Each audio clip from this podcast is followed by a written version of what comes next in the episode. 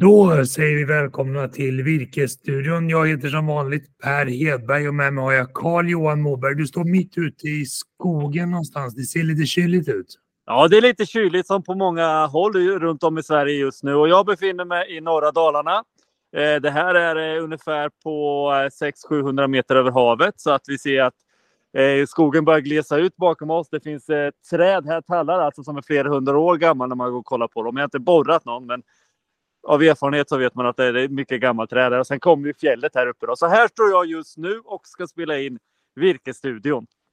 Och vi ska ta och säga att Virkesstudion görs i samarbete med ATL och med Ludvig och Company. Och vi jobbar båda på Virkesbörsen som är en del av Tribula. Och det ska vi prata mer om i de kommande avsnitten tänkte jag utav Virkesstudion. Men idag ska vi blicka lite grann tillbaka på 2023. Carl-Johan, vad tar du med dig från förra året? Ja, men rent skogsmässigt eller skogsbruksmässigt och marknadsmässigt där så har det ju varit en, eh, en eh, vad ska man säga, det har ju, det har ju hänt väldigt mycket och många, det har varit svårt att sia om, eh, sia om vart marknaden ska ta vägen och sådana saker. Och det här gör ju att skogsbruket har ju kanske på vissa håll gått lite fram och tillbaka och sen har vi haft den här regniga perioden som var i somras gjorde ju också att det blir svårt för att driva fram virke. Så att eh, utbud och efterfrågan är nog någonting egentligen som jag tar med mig från det här året. Och jag tror att du menar förra året, men jag tror att det som var spännande förra året var ju också att konjunkturen sjönk ganska kraftigt. Byggandet gick ner i Sverige men också runt om i Europa. Men trots det så steg virkespriserna och det var lite ovanligt på virkesmarknaden där man ser då att konjunkturen viker men virkespriserna fortsätter att gå uppåt. Och det är delvis drivet av höga energipriser. Om nu blir det kallt här och det blir en köldknäpp och då går ju energipriserna upp igen och efterfrågan på grot är ganska god just nu. Eller vad säger du Carl-Johan? Ja, men det måste man säga. Och det här läget vi har just nu med det kalla, eh, kalla klimatet, eller eh, väderleken hela Sverige gör att det går åt mycket. På sina håll så tror jag också att man stöter upp och eldar med hel del kol och olja nu också. Eller framförallt olja då för att kunna hålla igång eh, produktionen i, och rätt vad ska man säga, energimängd i systemen. Men det är klart att det är helt rätt att, eh, att, att kunna sälja grot just nu, eller brännved för den delen också om man är liggande. Så att det, det, det finns behov hos köparna. Jag tror att vi har också sett att en del sågverk har stått stilla för att det varit sån brist på virke förra året. Och det är också lite ovanligt att låg konjunktur men ändå svårt att få fram virke trots att virkespriserna stiger. Och det får ju mig att tro att det är lite grann skogsägarnas tid som vi går in i nu där vi ser en strukturell uppgång av virkespriser drivet av energi, sanktioner mot Ryssland och mot Belarus. Men också en låg svensk krona som gör att efterfrågan på svenskt virke har varit väldigt god.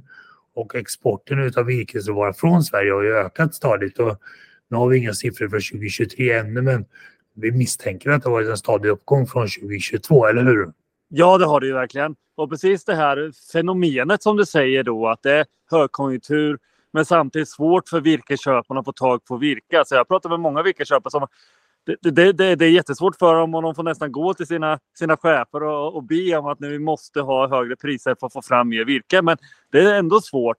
Och vi vet ju att vi har den här eh, virkesbristen. Alltså att vi har avverkat mycket i södra Sverige. Vi har mycket drabbade av granbarkborren i södra och mellersta delen av Sverige. Så att det gör ju att, och sen att markägare kanske inte är jätteaktiva eh, att de kanske sitter med lite fulla, inte fulla ska jag inte säga, men de har fyllt på liksom sina konton kanske är att kunna klara ett antal år. Och det gör att man inte är så jättesugen på att hugga. Vad tror du framöver Carl-Johan? Kommer virkespriserna fortsätta stiga? Är det bra läge att göra avverkningar, gallringar först slutavverkningar? Hur tycker du man ska tänka? Nej, men alltså det där är ju den, den det är ju 10 000 kronors frågan alltid. Eh, och eh, det, det, är ju svårt att säga. Men när man under året har lyssnat på olika banker som har haft föredrag så, så har ju de ibland sagt att nu är det högsta, men de har ju faktiskt haft fel. Det har ju bara stigit och stigit. Och jag tror ju på en väldigt bra, eh, en spännande utveckling här under vinter och våren, hur det kommer att gå. Sen är det klart, det är väldigt avhängigt liksom vad som händer på världsmarknaden. Den oron vi har i världen med de här konfliktzonerna som har spelar ju också roll självklart också. Och sen är det också vad som händer i Kina då som är en, en stor motor i världsekonomin. Och där har vi du lite nytt också angående massapriset va Per? Nej, men så är det, jag tror att just nu i den här perioden mellan då vårt nyår och deras nyår. Och deras nyår brukar ofta vara en viktig händelse på massamarknaden. Då. Så att nu har ju faktiskt priserna sjunkit lite grann på marknadsmassa i Kina och det gör att marknaden mjuknar lite generellt sett och det kommer i sin tur påverka massaveden så att det blir att prisstegringen blir inte lika kraftig som om den hade kunnat bli om massamarknaden fortsätter att stärka sig. Då.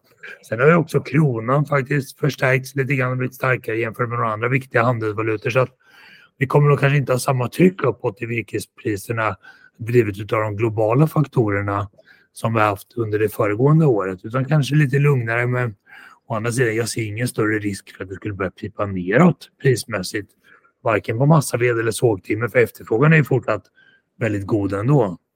Nej men det stämmer ju. Och sen en annan viktig sak också.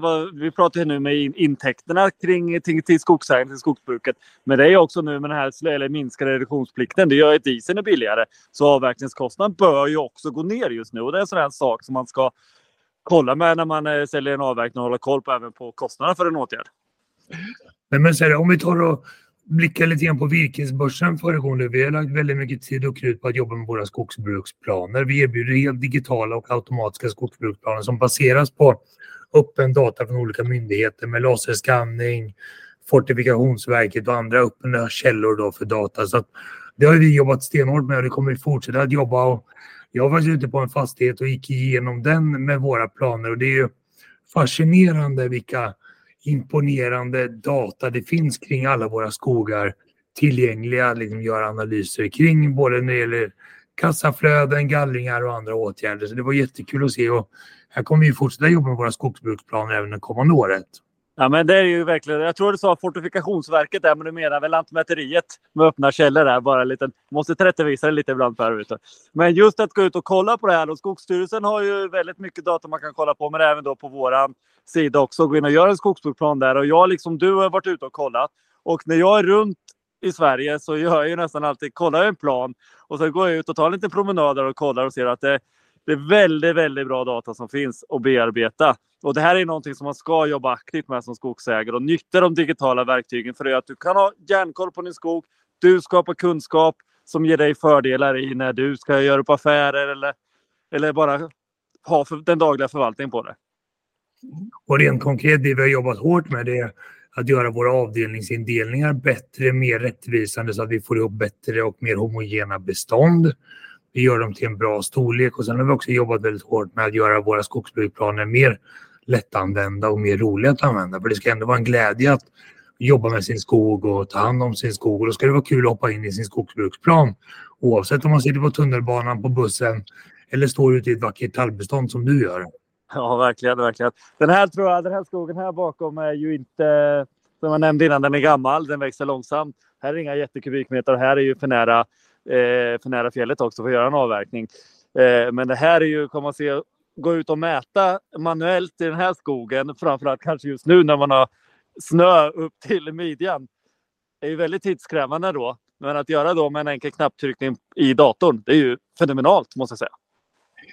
Om vi nu blickar lite framåt mot 2024. Jag tror, och vi har hört det under föregående år också, att 2024 kan bli året när skogsägare på lite mer storskalig eh, front också börjar få betalt för koldioxidinlagring i sina skogar så att den klimatnytta man skapar som skogsägare kommer man kunna få ersättning för. Och vi har ju hört det på de här klimatrapporterna både från vår egen regering men också från EU-håll att det är en väg som man gärna vill gå framåt. Och här pågår ju väldigt mycket utredningsarbete just nu så att det kan nog bli ett år där koldioxidersättning till skogsägare verkligen slår igenom. Det är någonting som vi tror på. Det tror jag alla gånger och det är ju de här digitala verktygen är ju en jätteviktig del i det då. Man ska göra de olika beräkningarna och ta fram en, liksom en ersättningsnivå på det här och det här följer hela systemet. Man måste ju följa med i det här och hur man anpassar sig. Ja, men kollar man då på de olika certifieringsorganen som finns för skogsbruk, det är FSC och PFC. De måste också följa med liksom, så att de hänger med i det sättet att tänka och, och, och, och få intäkter till, till skogsgården. Sen tror jag också att 2024 vi kommer se fortsatta sanktioner mot Ryssland och Belarus. De kommer, virket från de två nationerna kommer inte komma tillbaka till det östersjöiska systemet under 2024 utan det kommer vara fortsatt god efterfrågan. Vi ser att mer industrisatsningar görs, industrin bygger ut, efterfrågan på virke ökar samtidigt då som vi ska skapa mer klimatnyttor, biologisk mångfald och mycket annat kring skogen. Så att dragkampen kring skogens nyttor, det kommer nog verkligen att tätna liksom då. Att efterfrågan på skogen kommer att öka kommande år, eller vad tror du? Nej, men det tror jag alla gånger. Det här är någonting som jag tar, tar, med mig från 2023, då med mig in i det här året. Det är just det att det, det är fortfarande stort intresse eh, kring skog. De olika liksom, produkterna, tjänsterna man kan sälja från skog. Så att vara skogsägare i det här skedet, det är ju fenomenalt helt enkelt. Frammen, håll er uppdaterade, håll er pålästa. Prata med era Ludvig-rådgivare. Läs tidningen ATL och fortsätt titta på Virkesstudion. Men framförallt gå ut och njut av skogen, precis som du gör. Ja, men du, det ska jag verkligen ta och göra nu. Det kan bli något så att det blir lite skittur här också i det här. Du Carl-Johan, vi ses och hörs snart igen. Och har du frågor och funderingar går det alltid bra att skriva till oss på virkesstudion virkesborsen.se. Du kanske har frågor och funderingar som du vill att vi tar upp i programmen och svarar på. Och i övrigt så önskar vi er ett gott, god fortsättning på det här året. Det gör vi. Ha det bra nu. Bra. Hej!